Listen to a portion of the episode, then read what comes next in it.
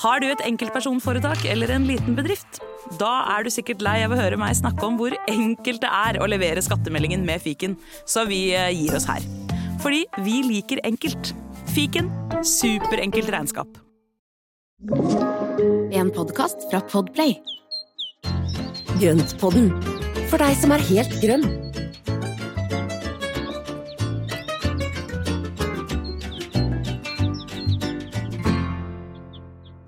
Hallo, og velkommen til Grønnpodden alle sammen.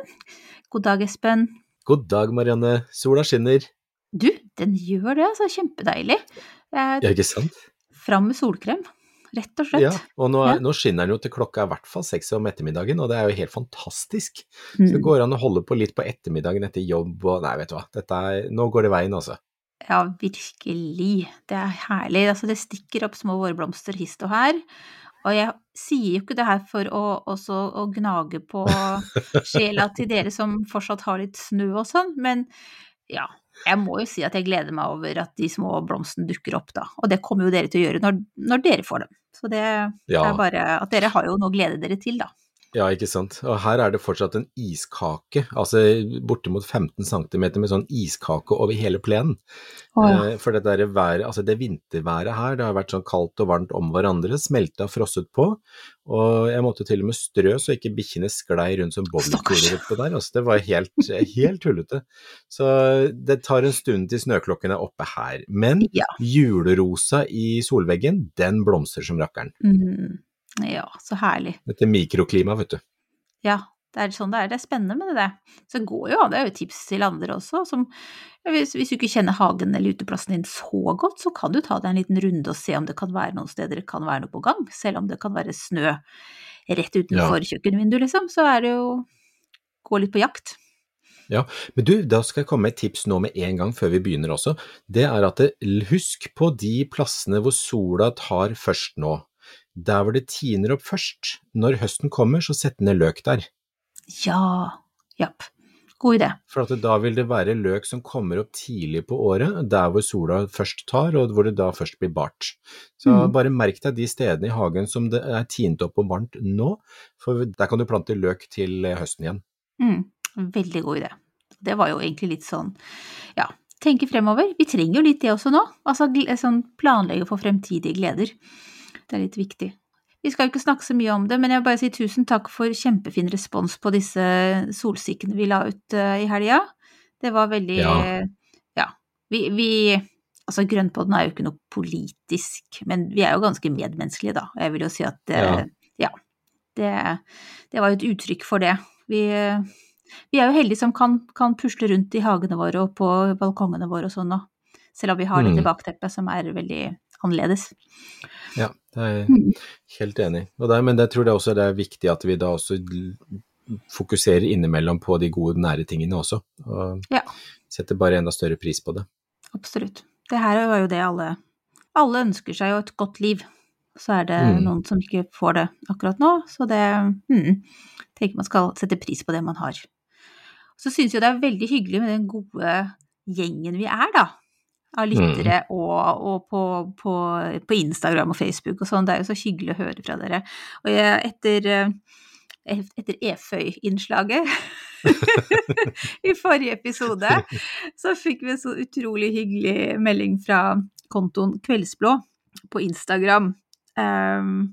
så- som da altså det inneholdt da også en, en, en, en kjærlighetserklæring til Eføy. Eh, og det var veldig koselig. Eh, men også et lite tips, at hvis man absolutt må ha EFØ inne, så kan man da, er det bedre å velge den helgrønne, mer kraftige varianten. Mm. For at da den vil um, tåle mer.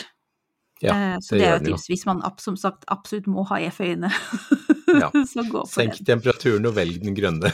Ja, ikke sant. Ikke la den stå midt i sola og, og over radiatoren Og og, sånne ting. Ja, nemlig. Det er nettopp det. Ja, det er veldig godt innspill, og det, det skriver vi absolutt under på. Mm. Og så er jo egentlig også EFØ en liten overgang til, eh, til dagens tema, da. I og med at Ja. noe, grunnen til at man ikke ja, gjør noe særlig suksess med den innendørs, er at den fort får utøy på seg. Ja, og jeg hadde jo min kamp, eller har hatt en kamp de siste ukene også med ullus, og det, det Ja, så det er liksom flere ting som da har, har uh, inspirert oss til denne dagens utgave, da, med ja. både skadedyr og nyttedyr. mm. Og vi skal vel se litt sånn helhetlig på det. Jeg syns egentlig Altså, jeg gleder meg veldig til å høre deg snakke om det, for jeg syns uh, det lille du har uh, Vi har snakka litt om det på forhånd, og det, det du har nevnt da, syns jeg skal bli spennende å lære mer om, rett og slett. Jeg måtte jo prøve å selge inn litt. Først så tenker jeg at vi må ha litt eh, definisjoner her, ja. For altså, én mm. persons skadedyr kan jo være ja, kanskje ikke akkurat nyttedyr, men altså, hva er, det liksom, hva er det som vi mener med skadedyr, og hva mener vi med nyttedyr? Ja, skadedyr og nyttedyr det kan jo være mye av det samme også, for at skadedyr for noen er nyttedyr for andre, som du sier. Og det, det er jo det i, sånn som i hagen, hvis vi tar det ut, da, eh, så er det jo noe med at en del av de dyrene ute som vi opplever som skadedyr, det er jo da matkilde for en del andre, både insekter og fugler. Mm. Og for dem så er det stor nytte. Ja, så Det er jo en av de, de, tingene at man må jo bare se på mengden av det. For hvis det er veldig mye av en type dyr, eller type insekt, så vil de gjøre større skade enn om det bare er enkeltvis å få. Og ja. det at vi da klarer å holde bestanden nede, gjør at de kanskje ikke oppleves som skadedyr lenger, men i det mm. øyeblikket de får å ta, ta overhånd, så vil det da bli et problem. Så er balansen som vi egentlig må tenke på. Mm. Ja. Og den balansen er jo litt av det, det vi skal prøve å få, få liksom, eh, snakket litt om i dag, at, at, et nyttedyr eller skadedyr ofte har byttedyr. Og det er jo en av de tingene som, som også er litt interessant, for det, det, er jo noe som heter nyttedyr.no, som da har f.eks. rovmidd og, og gulløyelarver og en del andre ting som de selger. Og det gjør jo at man kan da bekjempe skadedyr hvis man har for mye av det. Og det er jo da gjerne i, i lukka rom, altså innendørs eller i drivhus og sånne ting, så, så, vil det kunne være med på å hjelpe å ta da de skadedyrene som, eller de vi opplever som skadedyr, ved hjelp av andre dyr som er da byttedyr til de skadedyrene. Så det blir mm. veldig mye dyr dyr. Men uh, ja, at det er jo alltid noen som spiser hverandre, ikke sant. Ja, ja. Jo, I naturen så er det jo sånn at det er jo alltid noen over i næringskjeden, stort sett. Men er byttedyr den som spiser, eller den som blir spist? Er man er... bytte, eller tar man bytte? Nei, nei da, da, er man et bytte. Byttedyr er vel eh, Ja, er ikke det det, da? Ikke vet jeg. Det er... Nei, du vet hva, nå tuller vi her. Byttedyr, det er jo de som blir spist. Eh, ja. rovdyr er jo de rovdyr, som spiser. Rovdyr, ikke sant. Ja, ja. Nei, men nå er, vi, nå er vi enige. Yes, nå føler jeg at vi er, det, dette føles logisk. Ok. Skal vi holde terminologien i orden? Så ska, eh, skadedyr er potensielle byttedyr, ikke ja, sant? Det er sånn, sånn blir det. Vi, vi, ja, takk, vi vil gjøre, gjøre dem til bytte. ja. Jo, altså, samtidig så er det litt sånn, det du snakker om nå, er jo at man ikke kanskje vil at alle skadedyrene skal forsvinne, da. For de trengs Nei. Hmm. Nei, de, vil, de må jo være der. Ja. ja. Så ja, de trengs jo. Og det er jo ja, og det som, som, mange opplever som et skadedyr, eller ikke skadedyr, men en, et ubehag, det er jo vepsen. Altså, mm. veps, det, er, det er veldig få som liker å ha veps svirrende rundt husveggene og sånne ting, men vepsen er en kjempefin eh, hjelper i det der skadedyropplegget, for det, de spiser jo masse insekter. De er jo mm. rovdyr, og de spiser larver og småkryp og, og sånn, og så henter de det hjem til, til um, vepsebolet. Så det er jo en veldig god hjelper i en hage. Mm, ja. Da får vi liksom se litt på disse ulike dyrene på en litt ny måte. Det liker jeg. de, bør bare ikke ha, de bør bare ikke ha vepsebolet akkurat der ved sitteplassen og der hvor du sitter ute på sommeren, for det er litt ubehagelig. Det er, veldig eh, kjedelig da hver gang man serverer seg noe sånn nybakt uh, vet ikke, bærkake eller et eller annet ja, sånt. Så kommer liksom elsker jo syltetøy. Herregud, ja. Syltetøy og grillmat. Men uh, i fjor så hadde jeg da faktisk et vepsebol i en fuglekasse. Da, altså det var jo litt, grann, litt seinere på sesongen hvor jeg da så at fuglekassa den var jo ikke bebodd i fjor eller den ene av de, og der var det altså et vepsebol inni. Den, eh, de hadde da begynt å bygge i taket på fuglekassa, så det, der var det et lite vepsebol. Kjempefint. For der er, det jo, der er det jo ikke i veien for noe, det hang ute i epletreet, og der kan det jo bare være. Ja, er det det fortsatt, da? Nei, nei, nei. nei vepsebolene de, de, dør jo. Er de bare ettårige? Eh, De er ettårige, og så da Mm. overvintrer dronninga, og så vil da dronninga bygge et nytt bol året Å etter. ja, så fortsetter aldri Så- det samme? Nei. Ikke hva jeg vet. Og hvis det er noen som mener noe annet, så si gjerne fra. For at jeg, jeg har fått vite, eller jeg har sett, i hvert fall det jeg har sett og fått vite, så bygger ikke de i samme bolet, og de bygger heller ikke på samme stedet hvis det henger et vepsebol der fra før. Mm. Ja, interessant. Sånn som Kjøttmeisen har jo vært og, og plyndra et vepsebol her som var, hang ute i et tre her for et par år siden, og da var det jo plutselig så var det revet i småbiter, og da hadde Kjøttmeisen vært inne og forsynt seg med både larver og veps alt sammen, og det var bare plukka i småbiter. Så det her er det brutalt her i hagen. Ja, du vet. Altså, det er virkelig ja, på, på død og liv. Ja. Ja. Men eh, kan vi nevne noen type skadedyr? Altså, jeg tenkte jo også på sånn som eh, rådyr. Er jo ikke alle Ja, glad Og jeg er jo De spiser jo på, på uh, rosebusken min nederst i hagen. Altså, jeg syns jo de er litt søte. Jeg klarer ikke å bli sånn ordentlig sint. Jeg vet at jeg er veldig alene om det, så jeg er sikkert litt å banne i kjerka, men uh, ja. Men de er jo også i den situasjonen, når de ødelegger noe som du ikke vil ha, så vil jo også de være skadedyr. Ja, ja, ja. Og det er jo det, ikke sant. Og det er jo det som er balansen. Altså hva er Når blir de skadedyr? Jo, det er jo når de da ødelegger ting som vi har lyst til å ha i orden. Mm. Uh, Så det er jo fra et menneskeperspektiv, da, kan du si, hva det er. Ja, altså. egentlig. Ja, det er faktisk sant. Ja. Og det er ugress er jo i øyet som ser, for det er jo Mm. ikke Ugress er ikke for alle. Det er jo Noen syns jo da det vi kaller ugress er kjempefint, og, og syns det er Mm. grønt og fint. Se på plenen her som er full av mose, den er grønn og fin, men noen vil jo oppleve det som ugress. Mm. Ja, nei, det, ja, det er, ja, da er vi egentlig Det er litt filosofisk episode der, egentlig. Det, kanskje ikke dere trodde det når dere satte på den her. Dere tenkte at nå kommer det masse tips og sånne ting, men det er, jeg synes Vi enn så lenge er, litt- er litt i det filosofiske hjørnet. Men det er jo greit å etablere eh, den sannheten, at det her ikke er Mm. noe, noe holdt på å er jo ikke, det avhenger av situasjonen, ikke sant? Mm. på hva som er et skadedyr. Eh, Men kan Ja. vi si det samme om nyttedyr? Kan, hva er et nyttedyr? Er det et, et rovdyr? Ja, nyttedyr er jo rovdyr, og de spiser jo da skadedyrene.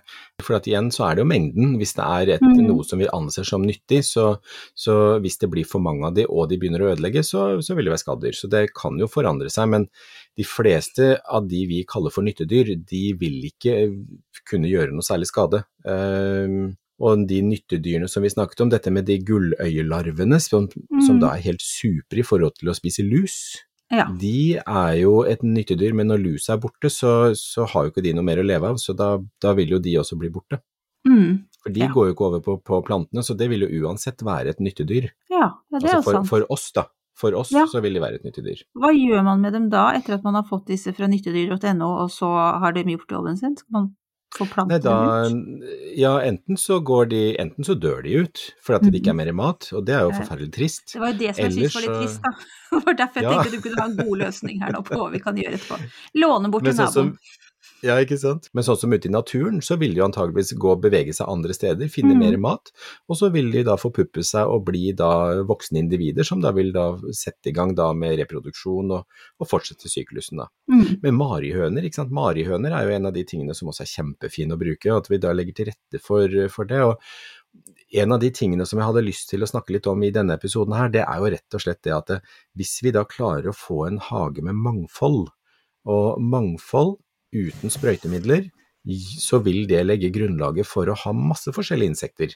Og Mm. da vil vi da få en balanse i dette her med nyttedyr, byttedyr, rovdyr, alt sammen. For stort sett så vil det kunne gi en balanse som gjør at vi ikke behøver å bekymre oss så forferdelig mye for det, altså det verken skadedyr eller nyttedyr eller det ene med det andre.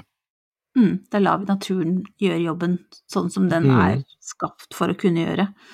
Ja, Mm. og det er jo ikke sant, i det øyeblikket vi tar, begynner å, å, å, å, forstyrre naturen, og da legge til rette med litt sånn, hvis vi sprøyter her, og så holder vi på der, og så, og så fjerner vi en del av grunnlaget som, som disse smådyrene trenger for å leve, så, så vil Mm. det bli en ubalanse. Og da er det noen som, som vil da eh, trives veldig godt med den ubalansen, og da blir det fort et skadedyr. Mm. Ja. Mennesket er jo egentlig et skadedyr, har du tenkt på det? Vi gjør jo Ja, fryktelig mye ugagn. Herre min hatt. I høyeste grad. Vi ødelegger mye og ødelegger og herjer og styrer på, så det Nei, vet du hva, vi er i stor grad et skadedyr. Målet må bli naturen. at vi skal bli et nyttedyr. Ja. Og da må vi tenke på at vi da må ta vare på naturen og sånne ting, og det kan vi da gjøre i, i egen hage. Mm. Og uh, hvis vi gjør det, så, vi, så vil vi kunne være med på å bidra, i hvert fall lokalt, da. Ja. ja, men det starter jo der. Har du et enkeltpersonforetak eller en liten bedrift? Da er du sikkert lei av å høre meg snakke om hvor enkelt det er å sende faktura med fiken. Så vi gir oss her, fordi vi liker enkelt. Fiken superenkelt regnskap. Prøv gratis på fiken.no.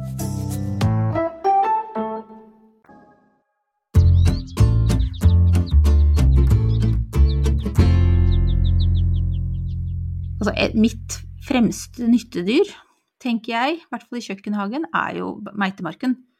Som jeg Ja. elsker. Som liksom hjelper meg med å få en fin jord, og som alltid mm. er der. Og som, ja, nei, det er, det tenker jeg, uten den så hadde jo den jorda mi vært uh, noe helt annet. Ja, det er nettopp det. Og, og igjen så er jo den da mat til alle fuglene som kommer og da hakker rundt og ordner og styrer. Så, Mm. så det er jo nyttedyr både for deg og for de andre dyra i naturen. Det er byttedyr for noen, og så er det nyttedyr for andre. Ikke sant? Det, det blir en sånn fra, altså det blir en sånn uh, veldig balanse her da, mellom det ene og det andre. Men jeg tenker at det, det vi kan gjøre da, det er jo da for det første er å ikke ha for strigla hager, og det er jo egentlig hageeiers drøm, og kanskje ikke måtte rydde så mye. Ja, gyldig Eh, grunn til liksom å ta det litt uh, avslappa. Ja. Ja, og det å la ting få da kompostere litt rundt omkring, la det stå igjen ting på høsten som da insektene kan overleve innimellom blader og, og, og sånn, eh, men også at dette er steder å gjemme seg for da, disse insektene og tingene gjennom eh, hele sesongen. Mm. ja. Litt sånn generelt Og- litt rot? Eller altså, Ja, litt frodighet, generelt. eller noe sånt? Litt Ja, sånn, ja. Frodighet, altså steder og kroker og kriker hvor det da kan være småkryp. Og det gjør jo at det blir masse gjemmesteder, og så er det da næringsgrunnlag for veldig mange av de små insektene. Men det som også gjør det veldig spennende, er at det da er massevis av rom for småfuglene til å lete etter mat. Mm. Og Ja. det er jo egentlig også en av de hjelperne vi kan ha der, å sette opp litt ekstra fuglekasser. Og det kan jo gjøres nå, eller det må man forte seg å gjøre nå, for at nå driver de og leter etter sted å bo. Og, eh, og hvis vi da har fuglekasser ute, sånn at det da blir godt eh, med fugler, så skal jo de ha mat av lunga sine. Mm. Og de plukker mye, altså. Ja, det var god, godt eh, innspill. Er det sånn, er det reder, brukes de om igjen? Hvert fall noen gjør det. Vi har jo noen Mm. duer som kommer tilbake, i en stakkars lille busketre vi har foran huset, som absolutt ikke er skapt for å ha stunge duer oppi.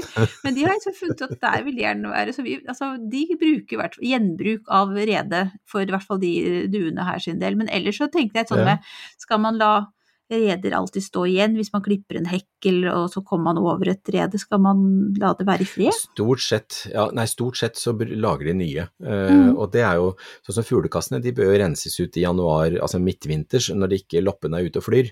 Fordi at da får vi fjerna en del lopper og inn, altså uttøy som da fuglene har med seg. Så Ja. det å da ha rene, pene fuglekasser, og da rydde ut den i midt på vinteren når det er kaldt, så blir ikke vi bitt av disse fugleloppene. Så er det egentlig bare å la de være tomme og rene, eh, Mm. slik at det da er ny plass til fuglene. For at de bygger et reir i løpet av et kjapt tid, altså det, det er liksom fort gjort. Men duene, de er jo i hvert fall de ringduene som vi har her, de er jo liksom tre pinner i kors og et egg på toppen. Det er jo helt, det er jo meningsløst lite reir. Jeg prøvde jo, Ja, Jeg vil nesten de er så altså. klumsete. De Ja, er så klumsete og klønete. Altså, det er liksom som om ja, et, boing, eller et, altså et svært eh, si, transportfly som liksom skal lande på en liten sånn øyflyplass. Det er virkelig størrelsesforholdene mellom det stakkars Ja. lille treet og, og de fuglene som går inn for landing. Er veldig skeivt. Så nå, etter hvert så kan jeg skal se om jeg kan eh, prøve å få filma det etter hvert. Det er, eh? De, de er der ikke ennå, for å si det sånn. Nei, men det er veldig morsomt med de, for de er jo, de er jo utrolig klønete, men så er de også, ja, de er, de er veldig fine og, fine, og de, det er liksom hyggelig når de spankulerer rundt i hagen, altså. Jeg syns de er Men, morsomme. eh, De bråker ja. litt, og de tar seg litt for Jeg må si at jeg har litt sansen for sånne snålinger. Så, så, det er egentlig veldig fint. Men jeg tenker også en annen ting i forhold til dette med altså Nå er jo ikke duene, de tar jo ikke noe stort av insekter og sånn, men, men, det som er veldig fint å legge opp til, det er sånn som fluesnapper, kjøttmeis, blåmeis, eh, rødstrupe, alle disse her småfuglene, for at de mm. spiser mye småinsekter. Og, og sånn som her hvor jeg har dam, så er det jo da massevis av øyenstikkere, det er, det er massevis av sånne små fluer som da fyker rundt dammen, og det er et yrende fugleliv hele sommeren. Mm. Og de kommer og de bader, de drikker, og så er det masse mat. Så de spiser hele sommeren. Så, så ja, de gjør virkelig det. Er det sånn all inclusive? all inclusive hotell. Det er sånn retreat. ja. Men det som er litt om å gjøre, da, det er at hvis dette her med mangfold, hvis vi da har et vannelement, det bør ikke være så stort, men bare et sted hvor de da kan drikke, hvor de kan da mm. eh, Altså det tiltrekker seg også insekter, at de da kan drikke, og at de kanskje kan bade. Eh, og så at det da er eh, godt beplanta, eh, ikke for ryddig. Og så er det jo noen veldig sånne natur... Altså, hvis vi får for mye lus på rosene, f.eks., så kan vi jo sprøyte med brenneslevann som vi har snakket om før. Mm. Eller så kan man bruke grønnsåpevann. Og, og, det er jo fine ting å bruke hvis ikke, hvis ikke naturen klarer å håndtere det sjøl. Mm. Ja, så ikke sprøyte med Altså, hvis man sprøyter med ting som menneskeheten har skapt sjøl, sånn mm. gjennom produksjon i fabrikk, holdt jeg på å si, med kjemikalier og sånn, da vil man jo forstyrre eh, balansen. Men hvis man bruker ja. sånn som brenneslevann og sånn, så vil jo ikke det forstyrre på den måten. Nei, ikke i det hele tatt, og det er jo en helt annen ting. Og da, da ta vare på det som, som, er der, og ikke ødelegge balansen hvis det går an å, å, å, få det til å funke. Og heller da legge til rette for at det blir flere marihøner, eller at det, man setter ut av gulløyelarver der hvor det er mye lus, at man da faktisk gjør det. For de, altså de nyttedyrene som vi nå snakker om, de vil jo da være der så lenge det er mat. Og så lenge mm. det er mye lus, så vil det være plass til de. Og så er det jo noe med at veldig mange planter også, hvis plantene sliter eller er stressa, så er de mer utsatt for utøy. Så hvis du dyrker og har planter som er sterke, gode, nok næring, nok, altså nok vanning, alt dette her er på stell, mm. Eh, og plantene er i god, god, form, så er de mindre utsatt for utøy. Ja. ja det er jo som vi mennesker på en måte, det. At hvis vi ja. holder helsa ved like, så stiller vi sterkere. Ja, immunforsvaret er sterkere hvis vi har det bra. Ikke sant. Og tenk på at de også har det. Det er jo lett, mm. det er jo så, igjen, det er så lett å tenke at disse plantene bare står der helt stille. Det skjer jo utrolig mye i dem, og de har jo gode dager og dårlige dager. Og det avhenger mm. jo av jordsmonn og næring og alt det der. Ja, og i stor Men, grad så er det vi som kan påvirke det, ikke sant. For ja. det er jo vi som skal stelle med de.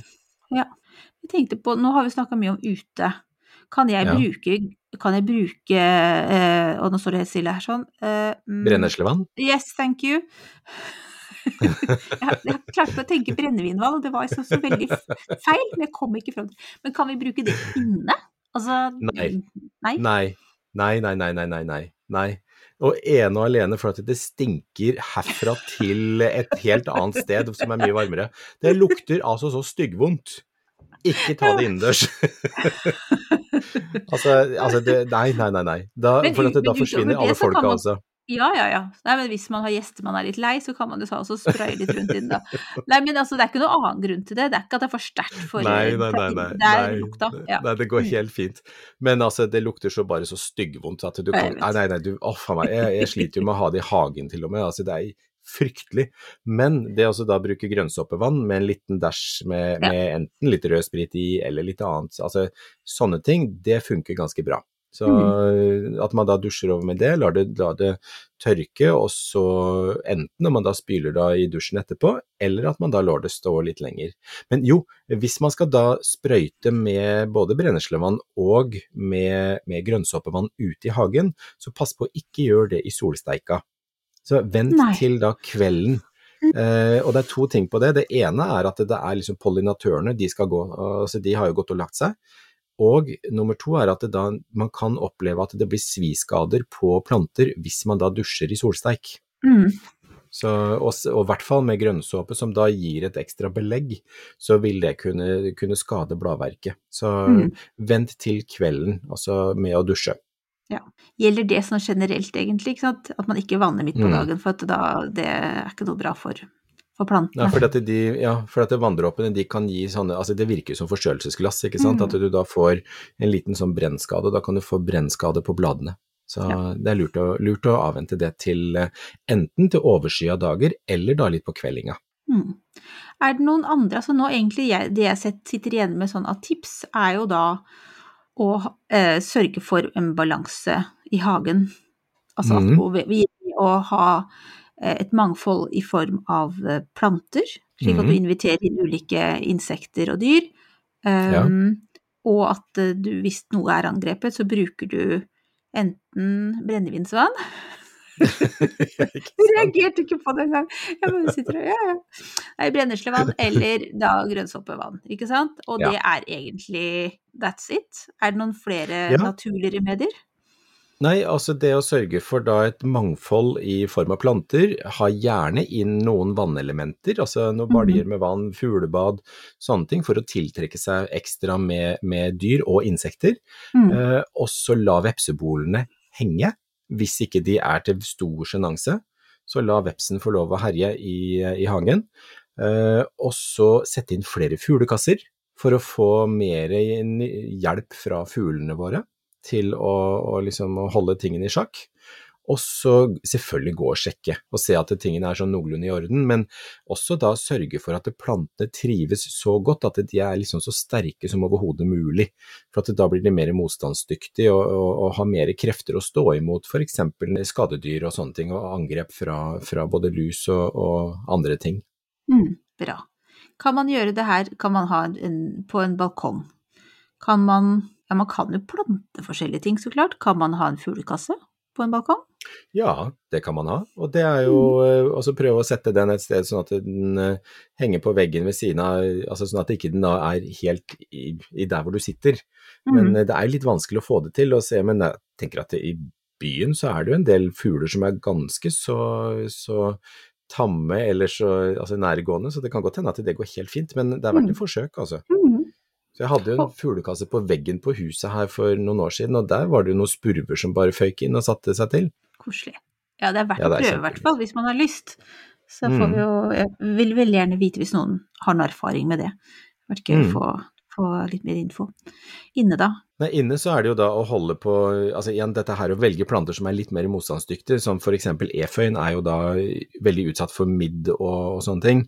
Eh, og det er jo rett og slett fordi at man svekker den fordi den ikke har så gode forhold. Mm. Så, men inne så er det om å gjøre å passe på at nye planter som kommer inn, sett dem i karantene. Jeg, ja. Av min siste erfaring, som jeg alltid Jeg pleier jo alltid å gjøre det, nå har jeg glemt det. Og eh, sett i karantene, pass på at de får lov å stå alene igjen kanskje to-tre uker før du setter de sammen med de gamle plantene dine, som er friske. Og eh, sørge for jevnt med dusjing, jevnt med eh, fukt og næring, alt dette her, for at plantene skal ha det best mulig. Og vinteren er jo en sånn der fæl tid for plantene, og det gjør at da er mange stressa, og de er mye mer utsatt for angrep av Mm. spinnmidd og trips og sånne ting. Bra. Da syns jeg vi er bedre rusta, ja, til å Ja, så bra. ta, ta hånd om eh, alle mulige både ønska og uønska dyr. Ja, så bra. Og grønnsåpen er din beste venn.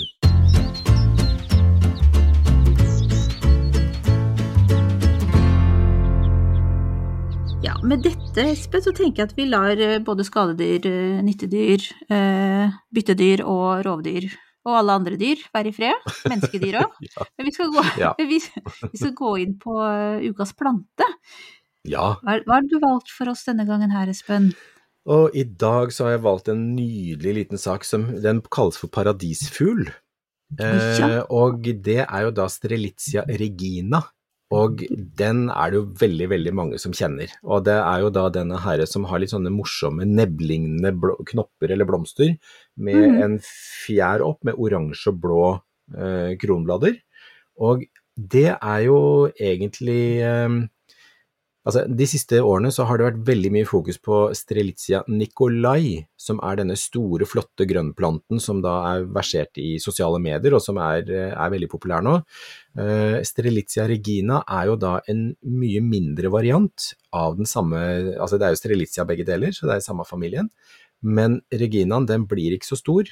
Uh, blir litt stivere og tettere i bladene, men så får den da disse her kjempefine blomstene. Ut som papegøyer. Papegøyeblomst blir den også kalt, så den er, den er, kjempefin. Og eh, jeg hadde jo den i gamle dager og hatt, hatt den flere ganger, og så gir jeg opp litt innimellom, og så hiver jeg den ut, og så får jeg den inn igjen. Og ja, klarer ikke helt å gi slipp på den, men jeg har sådd den fra frø. Uh, og det går også fint. Det tar noen år før den er oppe og, og nikker og er liksom stor nok til å kunne blomstre. Men nå framover så dukker den opp i både blomsterbutikker og hagesentre, og den er absolutt verdt å få ta med seg hjem. For er det en plante er som så du fin! Ja, den er kjempefin. Er det en som du har altså inne vinterstid og ute på sommeren, eller skal den være inne ja. hele tiden? Nei, ok. Den kan du sette ut på sommeren, og da, da, kan den stortrives ute på balkongen eller i hagen eller på terrassen eller et eller annet sånt, så kan den stå ute på sommeren, og så tar du den inn på, på vinteren. Uh, i god tid før frosten kommer, og så setter den gjerne litt kjøligere og så lyst som overhodet mulig, for da vil den bruke fjorårsveksten og de kreftene den har samla der til å etablere nye knopper, og så vil den blomstre neste vår. Så, så det blomstrer på denne tiden? Mm. Ja. Så, eller denne tiden, og altså de man får kjøpt i butikkene nå, de blomstrer nå, men altså, hvis du har den da hjemme selv og får den i blomst igjen, så vil den gjerne komme litt seinere. Så og den har lang blomstring, den blomstrer lenge. Og det er det som er så hyggelig med den, for den står ja. lang, lang tid, altså. Så, det er nesten så jeg, jeg tenker at den er en snittblomst. Altså, den ja, er jo, de er jo fantastisk flotte. Veldig mye brukt som snitt, så jeg husker jo når jeg drev blomsterbutikk, så at da vi brukte Altså, vi hadde jo masse av de stadig vekk, altså. Mm -hmm. Og da måtte vi hjelpe de derre de blomstene opp av denne her eh, kolben, eh, for de klarer ikke helt å få krefter til å løfte de opp selv. Så da var det å hjelpe de blomstene litt opp når de er som snitt. Så hvis du har dem som avskårent, når du ser at den begynner å bli litt sånn slakk og brun i den oransje blomsten, mm. så bare prøv å lirke litt nedi og se om ikke du klarer å hente opp et par ekstra, for ofte så ligger det et par blomster på lur nedi der som du kan løfte opp. Det her var helt gresk for meg, jeg føler at vi trenger en video, men det var et godt tips for de som kjenner planta. ja, så bra. Så kult, da. Ja, men så hyggelig. Ja, det, det, ligger litt ekstra på lur der. Det gjør det. Og jeg kjøpte jo da, for noen, et par år siden, så kjøpte jeg i blomsterbutikk en, en eh, liten Strelitzia Nicolai, for jeg hadde lyst til å dyrke opp en sjøl fra bånn av. Eh, og jo mer den har vokst til de siste to årene, så ser jeg at nei, nei, det var ingen Nikolai. Så jeg har, har fått meg en Strelitzia regina på nytt igjen. Ja. Så nå, ja, nå står den ute i vinterhagen og venter på våren. ja, ja, ja. Det var vel velkommen for det, tenker jeg, selv om det var litt ja, feil. Ja. Du tar imot alt, du. Du er ikke så knøl på det. Jeg er ikke, jeg, jeg, er ikke, ja, jeg er ikke så streng. Nei, bare veldig glad i disse plantene. Det, er, er jo så fint. Og da skal jeg liksom elegant tenkte gli over i neste spørsmål, skjønner du. Men jeg klarer ikke helt ja. å gjøre det, for jeg måtte, nå tok jeg en sånn skjermdump av et spørsmål, så skulle, og så har jeg knota litt. Fader òg. Der. Ok, glir elegant over her. Eh, fordi at en annen plante som du er veldig glad i, er jo blodbeger. Ja. Merka du at egentlig så hadde det vært potensielt en fin overgang hvis ikke jeg hadde teknikken hadde svikta? Jeg skjønner eller jeg hørte det. Fordi at vi har fått et spørsmål fra Anette, eh, som sender en veldig hyggelig melding. Eh, ja.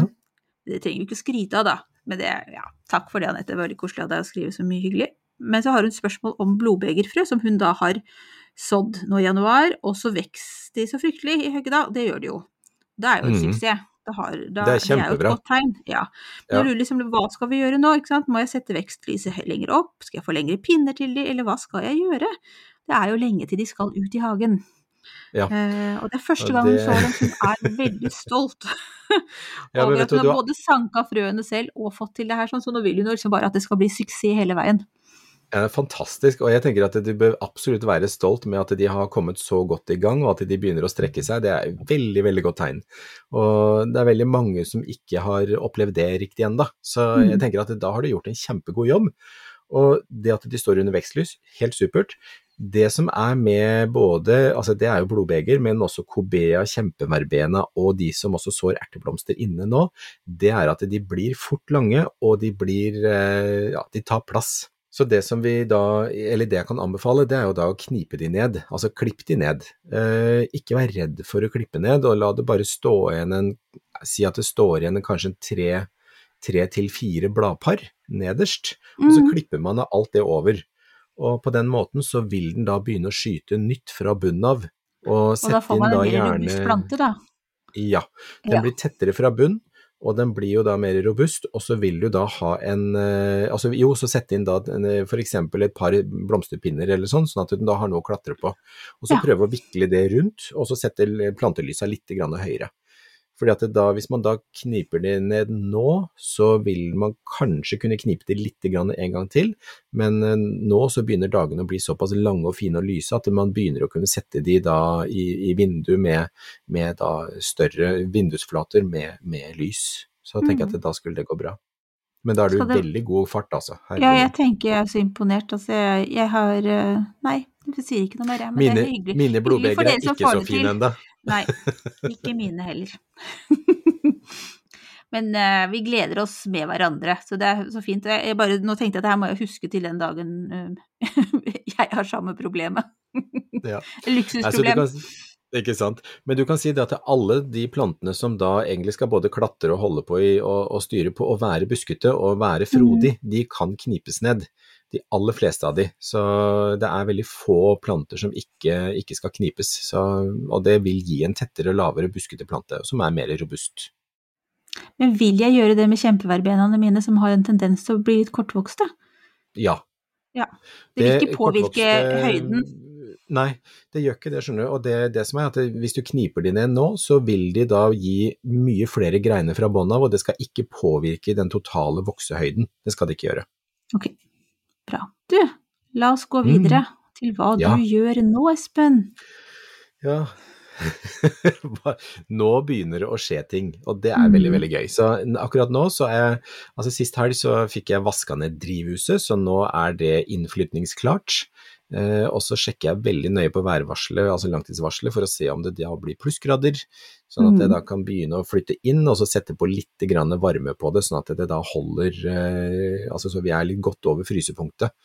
Men eh, det er jo en av de tingene som jeg har drevet nå, altså skulle begynne å flytte inn i drivhuset. Men så driver jeg også nå og begynner å plante georginer til forkultivering. Å, gjør du det, ja? Ja, Så fint at du sier Mm. ifra om det. Da, jeg, da vet jeg at jeg også skal begynne med Ja, det. så nå, nå fra midten av mars så, Mm. så, de, så begynner de å gå i bakken. Og da setter jeg én knoll i en potte, fyller opp med jord sånn at det bare så vidt av den der eh, gamle stilken stikker opp. Og så setter de kjølig, for at de får stå på rundt ti grader. Mm. Og da utvikler røttene seg veldig fint, uten at den begynner å skyte og vokse så mye ennå. Så Og de- det, Det er på tide det er det jeg gjør. Ja. Men skal de, skal de da ha eh, god næringsrik jord? Skal de ha noen spesielle ting? Jeg blander litt av hvert, jeg. Så jeg blander Ja. litt av det jeg har. Så jeg bruker litt gammel jord, og så blander jeg den inn med ny jord, og så er det ikke nødvendig at den er for næringsrik i den lille potta den står i nå. Det Nei. som er viktig er at den får næring når den da plantes videre, eller når den har kommet i god vekst, så da pleier jeg også å fylle på med, med flytende gjødsel, eller å drysse på litt hønsegjødsel. Greit. Mm. For vi fikk jo et spørsmål også, for det var noen knoller som hadde stått i jord fram Ja. til nå, og Ja. om de eh, kunne da på en måte pottes om og, og, starte den prosessen som du beskrev akkurat nå. Mm. Og det går det, helt fint. vil man ta en pause med dem uten noe jord, Nei. eller? Det er bare klippe de helt ned, og så Jeg ville tatt de opp for å bare se at alt er friskt mm. og i orden, og så ville jeg planta de på nytt. For at da, vil de få, da vil de få ny jord, og, og, og som da er litt mer porøs kanskje enn den som har stått fra i fjor. Ja, så, så jeg ville ha tatt også gitt, gitt dem det. Og jeg bruker jo også da i Altså, når jeg planter disse georgineknollene, så blander jeg også inn en del knust leka for å få den en, litt ekstra porøs. Mm. Kan man bruke perlitt? Det kan man. Så, Mm. så det er absolutt en mulighet. Perlitt er kjempefint. Jeg bruker knust leka fordi jeg syns det er den, den, den gjør mye av samme nytta, men den gir ikke de hvite prikkene i jorda. Kan være overfladisk. noen-. Hvis noen har, har pådratt seg en veldig svær pose med perlitt, så kan du gjerne bruke den. Absolutt, det er kjempe Altså perlitt er helt fantastisk, det er jo et supert materiale. Men den, i motsetning til lekan, så holder jo også perlitten veldig godt på fuktigheten, sånn at den gir en veldig sånn fin struktur til jorda. Så jeg skal absolutt ikke undergrave perlitten. Nei. så bra, Espen. Det er godt. Men hva gjør du da, Marianne? Ja, altså jeg er jo så dårlig forberedt på det her hver eneste gang nå, syns jeg. For at jeg eh, liksom jeg har liksom lyst til å fortelle noe spennende som skjer. Men nå har jeg da rett og slett angrepet eh, det området i liksom penhagen, som jeg pleier å si. Altså hagen hagen Ja. rundt huset. Eh, Mm. Som jeg da skal kjempe, bekjempe da det som i mine øyne er ugress. Det er da veldig mye sånn skvalerkål, og det er bjørnebær som, som aldri gir seg. Så nå Men det er to jeg- ting som de fleste anser som Ja, oss, tror jeg. Altså. Så nå har jeg klippet ned en haug med bjørnebærpinner, holdt jeg på å si, som har begynt å stikke opp. Og så tenkte jeg rett og slett Ja. at jeg skulle legge presenning over, jeg. Jeg lurte på om jeg skulle legge litt løv og sånn under for, som sørger for at det blir kjempegod løv... Altså, hva heter det? Løvkompostjord. Altså blir, at det blir en god og rik jord, da. Den dagen som jeg skal Mm. ta bort eh, eh, jeg håper å si presenningen igjen. Men er det noe spesielt jeg skal tenke på på hva jeg skal legge over? Er det greit med en presenning, eller er det fy? Eh, Nei, det er ikke fy, eh, så lenge du tar den bort igjen, men du vil jo da måtte ta den bort igjen, og det skal ligge da kanskje noe jord oppå. Det jeg ville vurdert, det er å prøve å spørre hele nabolaget etter aviser, og så legge ut et tykt lag med aviser istedenfor. Mm. Og så legge avis på. Uh, husk å ta ut uh, metallklipsa, bare stikke inn en kniv og dra ut uh, stiftene i ryggen. Og så ville jeg lagt da et godt lag med aviser rett på bakken, og så ville jeg ha fylt jord oppå, som er mer, altså så godt som ugressfri jord oppå. Og det som da skjer, at da vil de avisene vil som regel kvele ugrasset ganske greit, men det som er fordelen med de, det er at de brytes ned og blir til jord. Mm. Ja, jeg Og så så jo slipper, det. tenke, så slipper du å tenke på å flytte på presenning og sånn senere, og så kan du bare skuffe ned hull der hvor du har lyst til å plante ting i de avisene senere, for da vil de være myke og begynne å gå i nedbrytning. altså.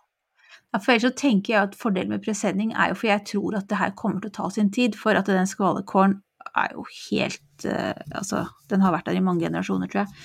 Så Ja. jeg vet liksom ikke hvor lenge det egentlig må holde på. Jeg vet ikke om Det tar det tid, det- altså. Ja, så jeg bare vet Det er derfor Men- lurer på om jeg burde ta presenning først, kanskje, og så Ja. gå over til aviser etterpå. Jeg ville det ha kjøpt avis med en gang, jeg. Ja, du ville gjort det. Ja, Kan du komme ned til meg, det... da, så kan vi gjøre det. samme med noen aviser. En trailerlass med avis.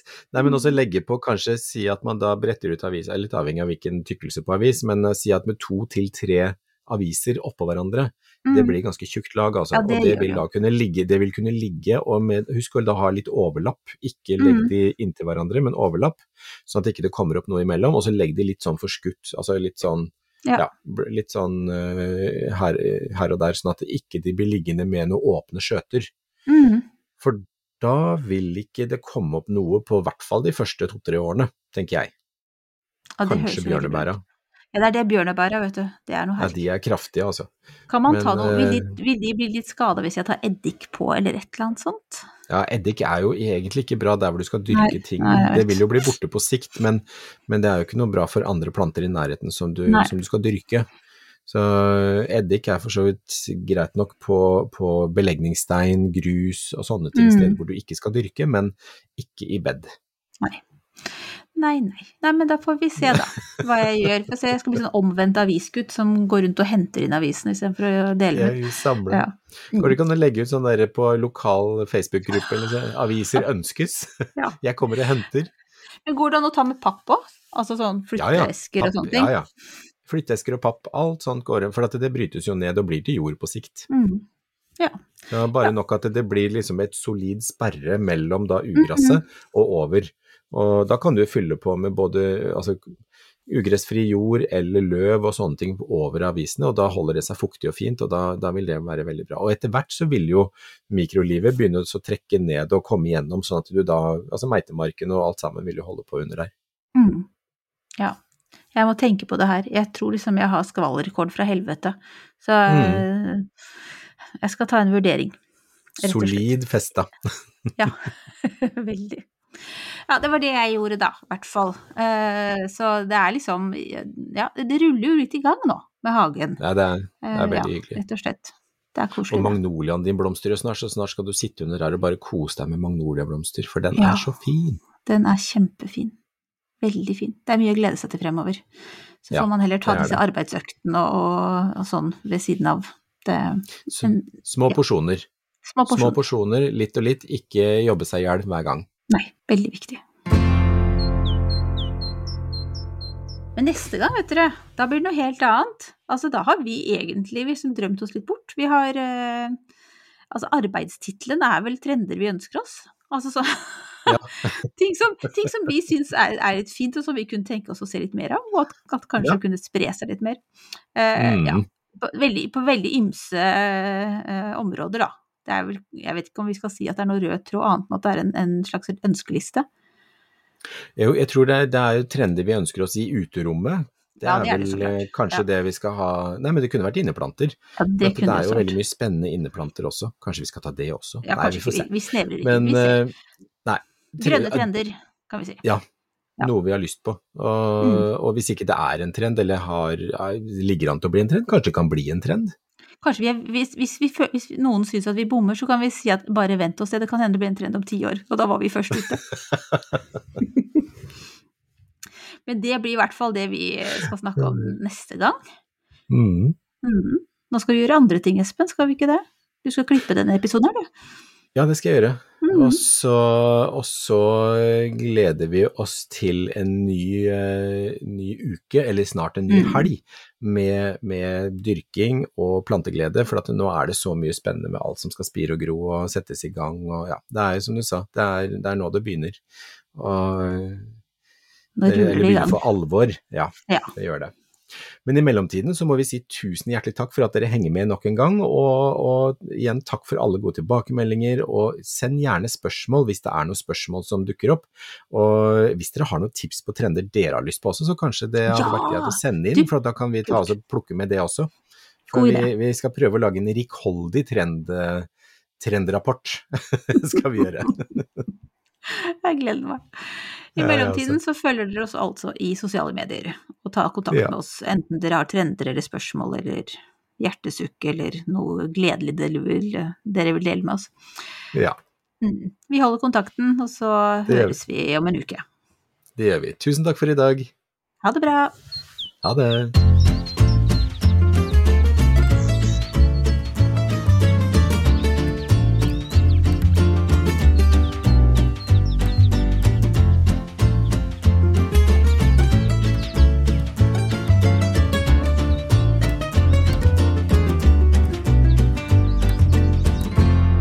Du har hørt en podkast fra Podplay. En enklere måte å høre podkast på. Last ned appen Podplay, eller se podplay.no. Kiwi er billigst i VGs matbørs og har vært billigst i fire av de fem siste VGs matbørser. Og nå presser vi prisen på påskevarer fram til 1. april. På 1,25 liter assortert Henning Olsen sørlandsis presser vi prisen fra 74,90 helt ned til 49,90. På assorterte 250 ml Cevita og Bendit smoothies presser vi prisen fra 1990 helt ned til 12,90 pluss pant. For det er vi som er prispresserne. Og vi i Kiwi gir oss aldri på pris.